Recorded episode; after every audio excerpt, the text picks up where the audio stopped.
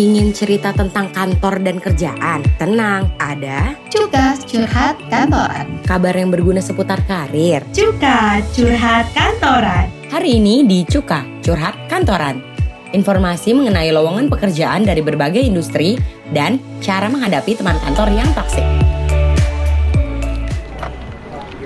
Tapi abis itu gue kepikiran ya, maksudnya dia happy terus se- sekarang dapetin kerja dalam kondisi kayak gini gimana ya? Bakalan gampang nggak ya gitu loh? Masalahnya adalah lagi butuh-butuhnya banyak kerjaan, lagi banyak-banyaknya pesaing gitu ya, tiba-tiba lowongan pekerjaannya makin dikit.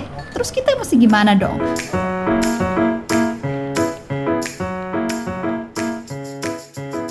Halo, selamat datang di Cuka Curhat Kantoran Tempat ngobrol dan berbagi cerita tentang dunia kantoran Pekerjaan, karir, profesi, juga semua dramanya. Bersama dengan saya Prita Laura Dan saya bersama dengan sahabat saya dari SMA dulu Sampai sekarang masih Halo Marlin Hai darling, apa kabar Prita Laura?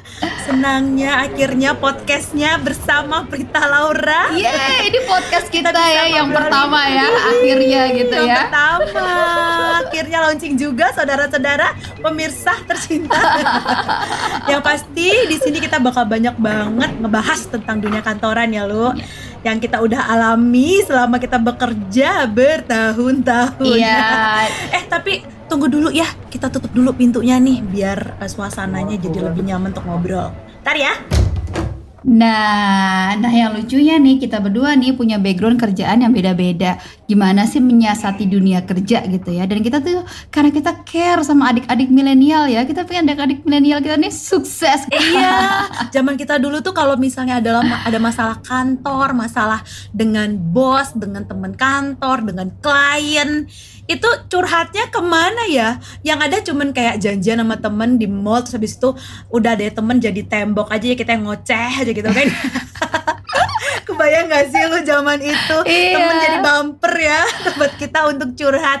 Mudah-mudahan podcast ini bisa jadi sarana buat eh, teman-teman cuka di luar sana bisa sharing tentang semua yang terkait dengan dunia kantoran. Ya sebelum kita ngobrol, kayaknya harus kenalannya lebih detail lagi nih sama teman-teman supaya bisa lebih akrab gitu kan?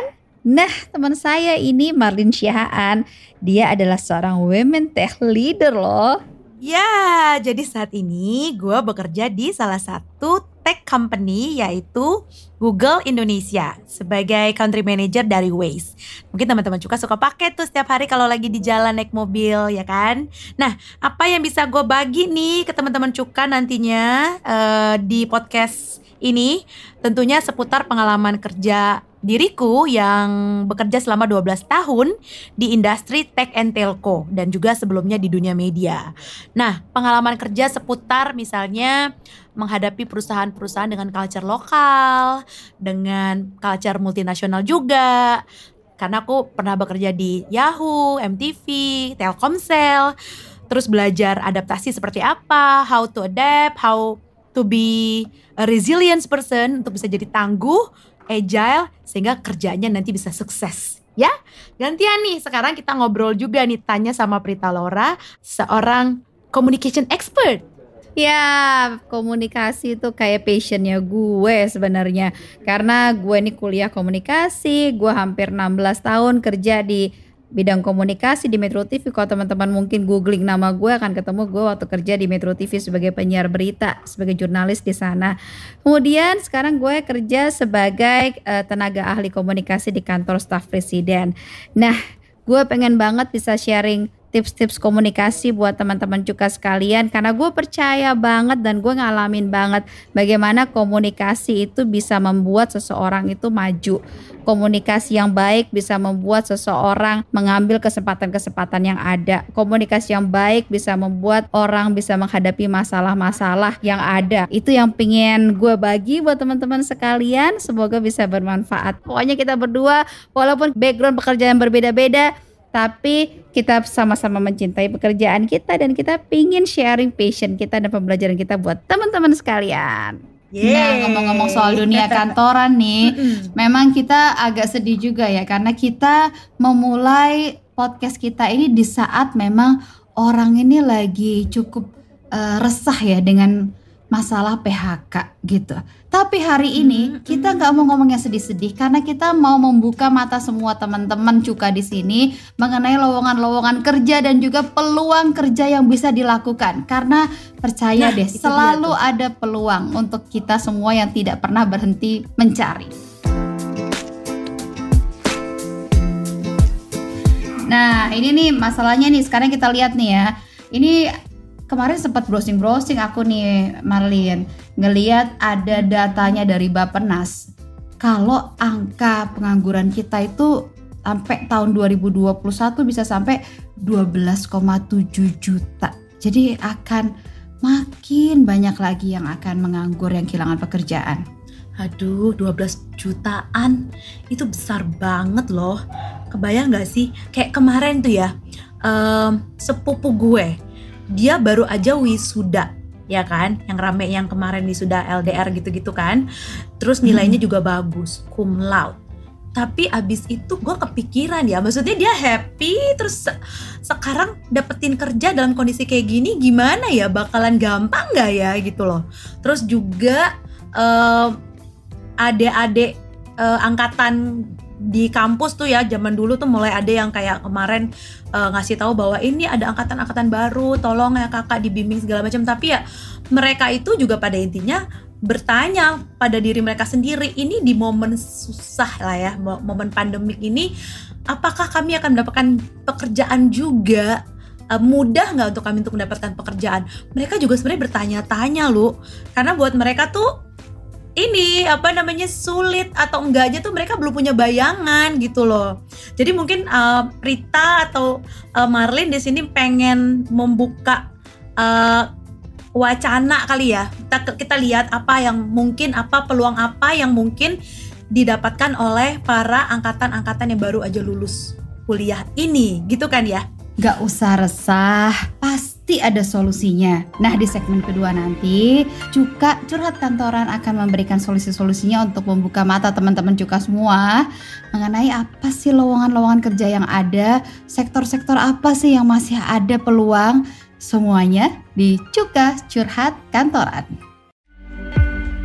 Nah, teman-teman Cuka, kita lagi coba-coba lihat nih, baca-baca riset, terus juga ada beberapa artikel yang terkait dengan informasi lowongan kerjaan yang memungkinkan masih kita bisa dapatkan di masa pandemi ini. Mudah-mudahan ini bisa jadi informasi yang ngebantuin kamu juga ya.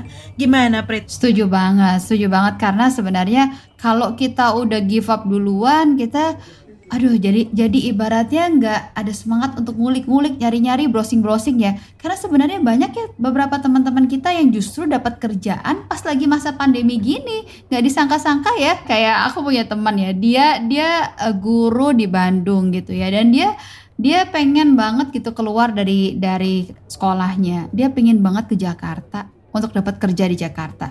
Justru malah dia dapat di era pandemi ini malah dapat kerjaan dan masih banyak cerita-cerita lain yang orang justru dapat kerjaan di saat lagi pandemi seperti ini. Tergantung kalau saya ngeliat tergantung mereka nyarinya sama skillnya mereka ya. Skillnya harus terus bertambah sehingga memenuhi kebutuhan yang ada. Iya sama mungkin juga uh, perusahaan juga punya strategi masing-masing kali ya.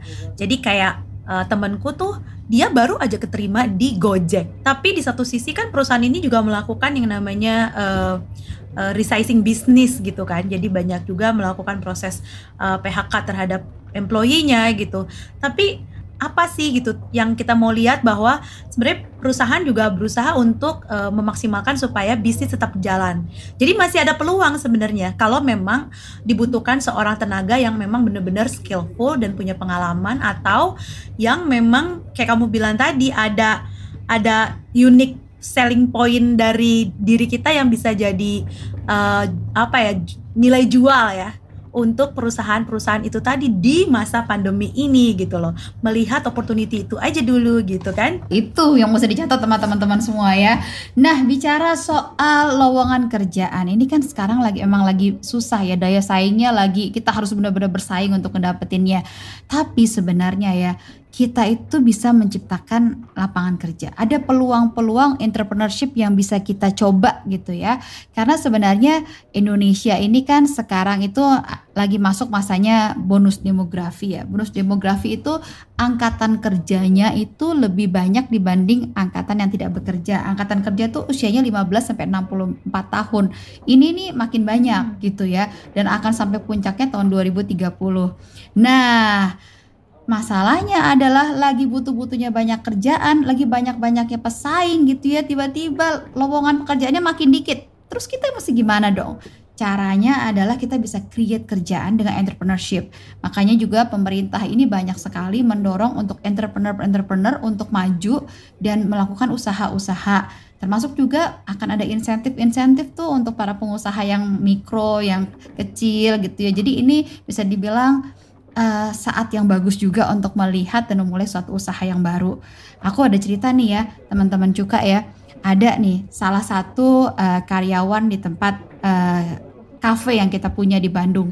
Nah, dia ini kita terpaksa harus melakukan pemutusan kerja karena memang kondisi yang tidak memungkinkan. Tapi si anak ini luar biasa. Anak ini kerja di kitchen. Terus anak ini akhirnya bikin sejenis kayak roti tapi digoreng gitu. Roti crackers tapi digoreng. Dia kasih nama itu rockers. Dia branding sedemikian rupa jadi rockers laku dijual bahkan sekarang udah masuk ke kafe-kafe. Jadi justru dia bisa menangkap peluang gitu ya dan penghasilannya udah semakin terus meningkat setiap harinya. Ini luar biasa dan siapa aja bisa masuk ke area situ sebenarnya. Jadi yang paling penting adalah melihat dulu apa skill yang kita bisa andalkan untuk membuka peluang tadi ya lu ya Wah, ini menarik juga nih. Tapi selain itu, mungkin juga kita bisa informasikan di sini nih, uh, selain industri-industri yang tutup, misalkan travel, pariwisata, international shipping, yang yang terkena dampak lah ya, istilahnya bukan tutup aja, tapi lebih ke terkena dampak. Sebenarnya uh, masih ada loh industri-industri yang membuka lowongan kerja. Contohnya misalnya kemarin ada uh, tetangga gue dia keterima di perusahaan kayak Happy Fresh. Ini kan perusahaan e-commerce ya. E-commerce kan sekarang lagi booming juga tuh. Banyak uh, orang belanja pakai e-commerce. Sehingga perusahaan ini ternyata juga uh, butuh sumber daya yang lebih besar lagi supaya bisa menampung jumlah bisnis yang makin bertumbuh dan makin besar di masa pandemi ini. Terus banyak juga e-commerce e-commerce lain yang melakukan uh, recruiting kayak contohnya Lazada, Zalora, Shopee. Even kemarin headhunternya Shopee juga ngontek gue, Prit. Oh. Tapi ya itu dia, karena memang dilihat dari bisnisnya ya memang bisnisnya lagi bertumbuh banget di masa-masa pandemi ini jadi selalu aja ada yang mungkin ber, uh, punya masalah di bisnis tapi ada juga yang punya peluang besar di bisnis gitu. Selain itu ada juga loh eh, perusahaan-perusahaan makanan minuman kayak misalnya di um, Tani Hub, uh, Kraft Heinz, mereka juga lagi opening di dunia hiburan kayak TikTok. Mungkin karena makin banyak orang pakai TikTok ya, mereka juga lagi hiring tuh, Prit. Jadi uh, masih ada opportunity tuh buat yang baru-baru lulus tadi uh, wisuda LDR yang mau cari kerjaan, mungkin kalau pengen kerja di dunia media bisa aja tuh coba apply atau jasa pengiriman atau perbankan, finance kayak bank, bank beberapa banking itu juga opening. Jadi um, ya selain melihat peluang juga melihat opportunity perusahaan apa yang sepertinya dalam uh, masa pandemi ini industrinya tidak ikut terdampak seperti itu kali ya. Iya jadi jadi gitu ya. Kita jangan langsung frustasi. Coba lihat pasti ada peluang. Di tengah krisis pasti ada peluang. Hanya kalau tadi misalnya kalau kita bicara menciptakan peluang menciptakan produk-produk uh, eh, UMKM gitu entrepreneurship ini kan saatnya ya ngelihat peluangnya nih ya. Ini kan kalau misalnya produksi perusahaan-perusahaan itu kan akan mahal harganya. Nah, kita bisa tuh produksi yang harganya harga rumahan, harga yang murah, jadi bisa lebih terjangkau sama masyarakat. Kayak contohnya nih ya, saya punya teman juga, dia bikin uh, masker masker yang uh, sesuai sama hijab, matching sama hijab gitu ya. Sesederhana itu dia bu dia jual dengan harga murah dan ternyata banyak yang pesen gitu. Jadi hal-hal sederhana yang bisa kita lakuin kita lakuin aja deh gitu ya.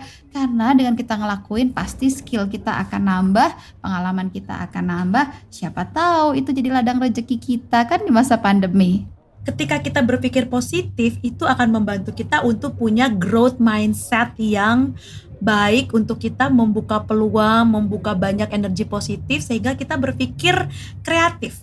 Hal ini yang membuat kita akan yakin bahwa kita pasti bisa melewati segala sesuatu yang menurut kita tidak mudah. Nah, kalau memang kalau buat saya sih ya berpikir positif tuh kayak kita pakai kacamata ya. Ada yang minus nggak sih di sini? Saya termasuk yang minus loh. Jadi kalau pakai kacamata kita akan bisa ngelihat oh ada apa di luar sana gitu yang bagus gitu ya. Tapi begitu kacamatanya dibuka dibuka bakal jadi buram gitu. Nah itu seperti itu. Ketika kita pakai kacamata optimisme kita akan melihat ada peluang-peluang di luar sana yang bisa kita kerjain dan kita tangkap. Tapi kalau kita buka kacamata optimismenya kita akan buram nggak ngeliat ada hal-hal menarik yang bisa kita kerjain di sana.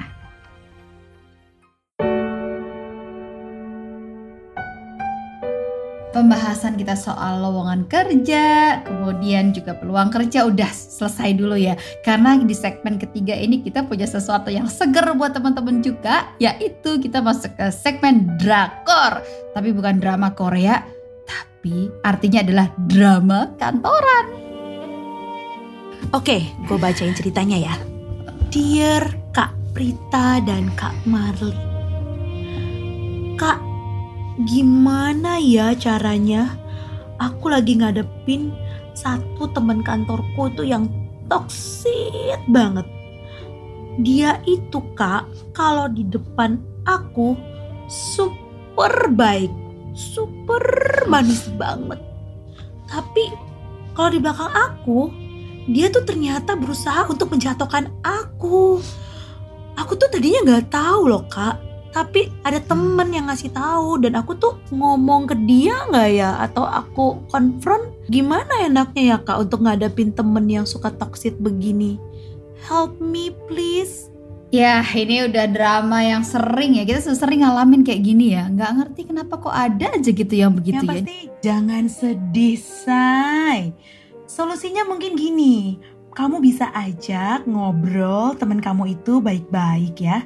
Biar kamu bisa dapatkan kejelasan dan klarifikasinya yang valid dari dia langsung. Waktu kamu ngobrol, kamu bisa nih tekankan kalau kamu keberatan mendengarkan isu-isu negatif dan kamu coba minta dia ke depannya untuk kalau ada apa-apa ngobrol langsung dengan kamu. Jadi bisa saling me perbaiki satu sama lain kalau memang ada sesuatu yang tidak baik dan harus diperbaikin gitu. Jadi kamu juga punya respon positif bahwa kamu bisa menerima masukan atau kritikan gitu ya. Nah, kalau dia misalnya mengaku salah, ya maafkan. Kalaupun dia nggak ngaku salah juga, dia ngeles-ngeles, menurut aku juga kamu lebih baik maafin dia aja intinya kamu udah tahu dia. Ya udah yang penting kamu udah tahu tapi ya udah kamu punya sikap ya kan? Kalau kamu udah utarakan kalau kamu tidak suka tidak berkenan. Yang terpenting itu adalah gimana kita tetap membangun hubungan pertemanan positif kita dengan rekan kerja kita dan juga gimana kita selalu menunjukkan kinerja yang terbaik. Jadi nggak usah khawatir deh kalau ada orang yang jelek-jelekin kamu teman-teman cuka mereka akan bisa kok bedain mana gosip, mana fakta. Karena they will know you, oke? Okay? Kalau dari Prita sendiri, tanggapannya gimana nih? Kalau gue sih ya Yud ya berapa kali gue ngadepin kayak gitu ya Itu tuh gue nganggap sebagai orang-orang penguras energi Gak usah dipikirin. Lagian kalau gue sih ya, daripada buang energi mikirin orang yang selalu ngejatuhin kita, aduh udahlah ya, lebih baik ngabisin energi untuk menghargai orang yang selalu mendukung kita. Jadi dunia kita jadi indah gitu loh kita jangan mau rugi sama orang-orang yang ngejelek-jelekin kita. Aduh nggak mau nggak mau mau. Gak usah dipikirin. Iya bener banget sih. Jangan lupa ya untuk kita selalu menyayangi diri kita sendiri aja dan memberikan apresiasi kepada usaha sama niat baik kita yang udah kita lakukan. Makanya tadi kita bilang kan keep doing good aja. Nah, jadi itu dia. Semoga bisa mencerahkan teman-teman Cuka yang ada di sini. Ini dia akhir dari edisi perdana Cuka kali ini. Yang pastinya akan ada edisi-edisi selanjutnya gitu ya. Silahkan Yeay. ikutin terus di edisi Cuka Curhat Kantoran. Jangan lupa follow kita juga di IG ya, IG Curhat Kantoran. Dan kalau kamu mau kirim email terkait eh, sharing untuk eh, dunia kantoran dan dunia kerja, kit- kamu juga bisa email kita di curhatkantoran at gmail.com. Sampai ketemu di episode selanjutnya. Oke, Marlin pamit dulu. Dan juga saya Prita Laura, kita ketemu lagi di next episode ya, di mana kita akan bahas juga topik-topik yang sedang up to date. Jadi, sampai ketemu.